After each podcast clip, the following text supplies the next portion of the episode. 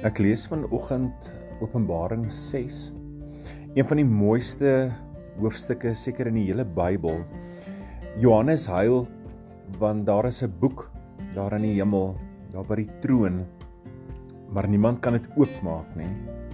Maar dan word vir hom uitgewys dat daar wel een is, die leeu van Juda, die lam uit die nageslag van Dawid, Jesus Christus, omdat hy oorwin het omdat hy opgestaan het uit die dood uit en die bose oorwin het kan hy wel die boek oopmaak.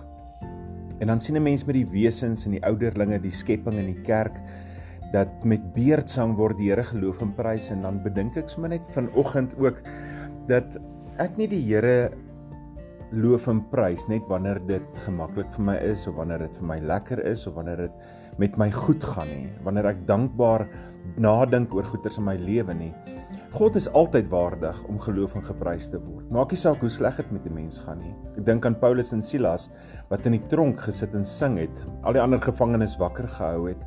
En daarom ook in hierdie tyd van inperking hierdie corona tyd in die mense geskiedenis waarin ons ingegaan het dat ehm um, ons nog steeds die Here kan loof en prys want hy is waardig.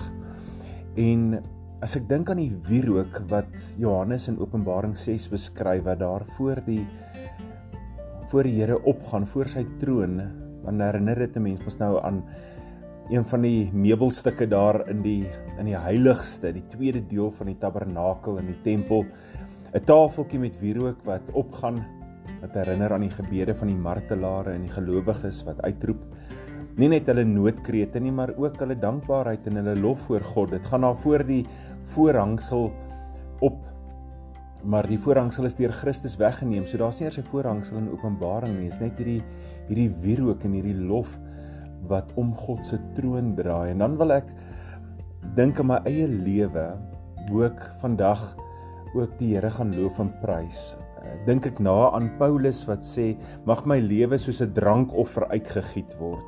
Mag my gebede 'n lekker reuk wees in u neus soos soos wierook of soos soos sproei wat gespuit word. Wil ek uh, met 'n ander beeld terwyl ek hierso met my beker koffie sit sommer vir die Here vanoggend sê Here, ek wil so graag my lewe aan u wy. U loof en prys met my met my dade, met my denke, met my woorde wil ek vir die Here sê dip my soos beskuit in u koffie en eet my. Geniet my. Ek het u baie lief. thank you